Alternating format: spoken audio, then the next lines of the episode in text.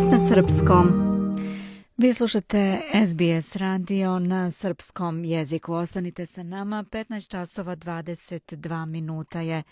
U sljedećih nekoliko minuta osvrt na najaktuelnije političke događaje. Na liniji imamo Ninu Marković. Nino, dobar dan. Dobar dan i pozdrav sa snežnih viktorijanskih Alpa. Mount Hotham, je li tako? tako je, zaista Kako je vreme na planinama? Vreme oko minus četiri, zaista je hladno, prepuno, škole za skijanje su prepune, tako da definitivno vredi planirati unapred. Da, ali pretpostavljam da je divno vreme za skijanje fantastično je zaista poteđa pomalo na Evropu, međutim trenutno zbog covid i dalje dosta stvari ne radi, tako da ko dolazi neka ponese dosta hrane i zalika. Evo, dobar savjet na početku odmah. Da se mi prebacimo na politiku. Um, većina australijanaca sada vidi Kinu kao vojnu pretnju regionu, kao i rat između Rusije i Ukrajine. Otkrivaju rezultati novog istraživanja instituta Lowy. Također da je bezbednost sada glavna zabrinutost australijanaca. Da kažemo malo o rezultatima tog istraživanja. Ovo je 18. po redu istraživanje javnog mjenja od strane Lovi instituta. U ovom istraživanju obuhvatili su 2006 ljudi ukupno. Od njih e, čak 29 više odsto nego e, od 2018. godine smatra da je Kina pretnja za regionalnu bezbednost. 51% od ispitanika je za učešće Australije u vojnoj odmazdi protiv Kine ukoliko dođe do rata na Tajvanu, a čak 6 u 10 podržava američke vojne baze u Australiji. Bezbednost je postala glavna preokupacija australijanaca više od klimatskih promjena i čak COVID-a. Australijanci žele da se pojača kapacitet australijske vlade u domenu odbrane.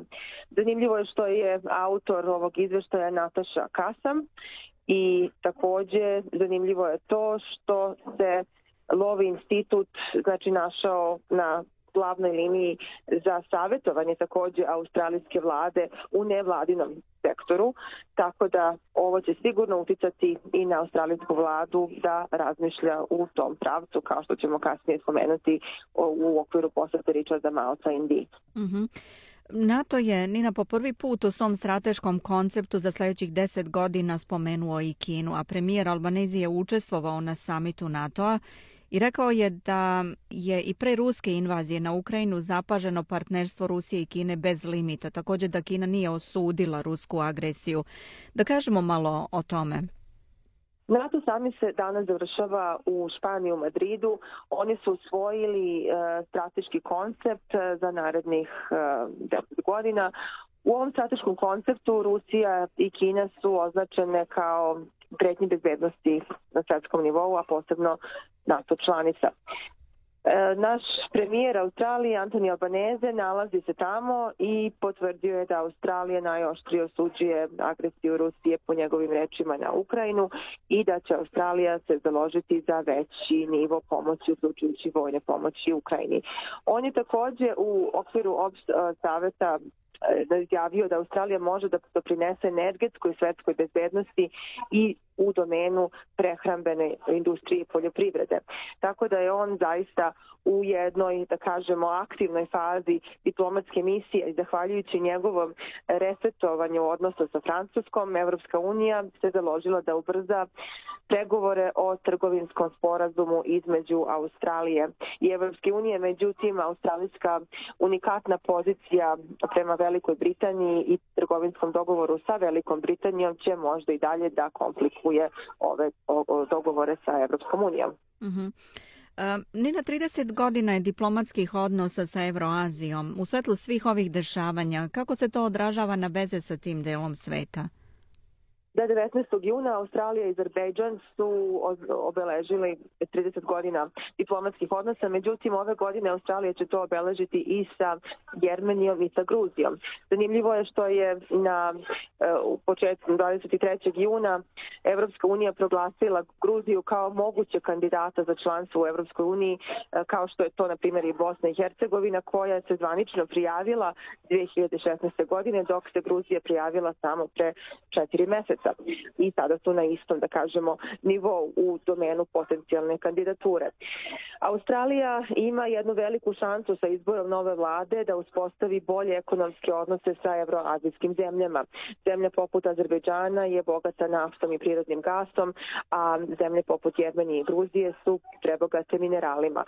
Tako da Australija znači ima tu šansu, međutim treba spomenuti da je veliki e, broj ljudi iz e, ovog dela sveta u Australiji i oni se često fokusiraju na političke nesuglasice umjesto da gledaju dalje da pojačaju biznis veze između Australije i ovog dela sveta. Tako da vlada Antonija Albanezea definitivno e, svojim učešćem u, na NATO samitu, na OIS mitingu i na ostalim evropskim samitima želi da pokaže kako Australija želi da okrene novo poglavlje u svojim odnosima pa i sa ovim delom sveta.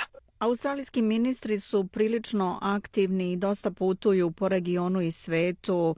Richard Miles u Indiji, Penny Wong u Maleziji. Miles kaže da se Australija i Indija sve više zbližavaju jer se obe zemlje bore sa, kako je on rekao, teškim problemom kako da pomire snažne ekonomske veze sa Kinom i zajedničku zabrinutost zbog rastuće vojne moći Pekinga. Da kažemo malo o ovim posetama. Tako je, postavlja se pitanje ko je u stvari od političara uopšte u zemlji, a ko je van.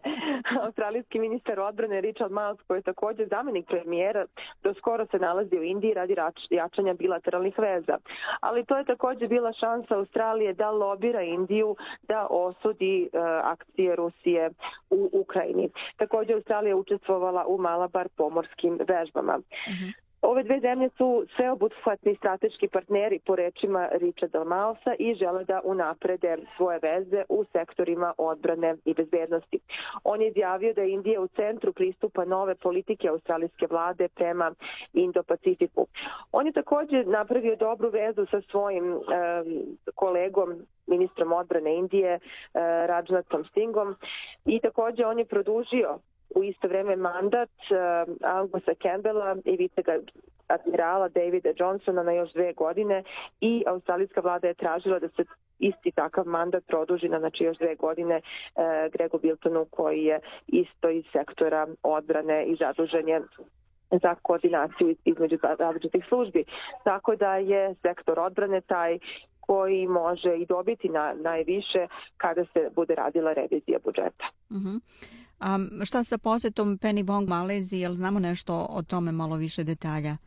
Ovo je zaista verova, jako interesantna posjeta zato što je ona rođena u Maleziji uh mhm. -huh. i kao osmogodišnja devojčica je došla iz Malezije sa ocem koji je maležanin i australijankom majkom. On je dobio e, da studira znači stipendiju na univerzitetu u Adelaidu i ona kaže da to njemu omogućilo da izađe iz jednog e, velikog siromaštva i da postane na neki način e, građanin sveta kroz e, svoje učešće u intelektualnom i e, drugom životu u Australiji. Ona kaže u svojoj posjeti Kuala Lumpuru gdje je održala govor da je Australija sada jedna veoma drugačija zemlja u odnosu na ono što je njen otac video pre 60 godina. Također, najnoviji e, podaci cenzusa pokazuju da je preko 50% australijanaca da su oni pripadnici prve i druge generacije migranata, tako da je mhm. Penny Wong u pravu kada kaže da nova australijska vlada u stvari reflektuje e, različitost australijskog društva i da se to naravno treba unaprediti i u svim ostalim granama australijskog društva i biznisa. Mm -hmm.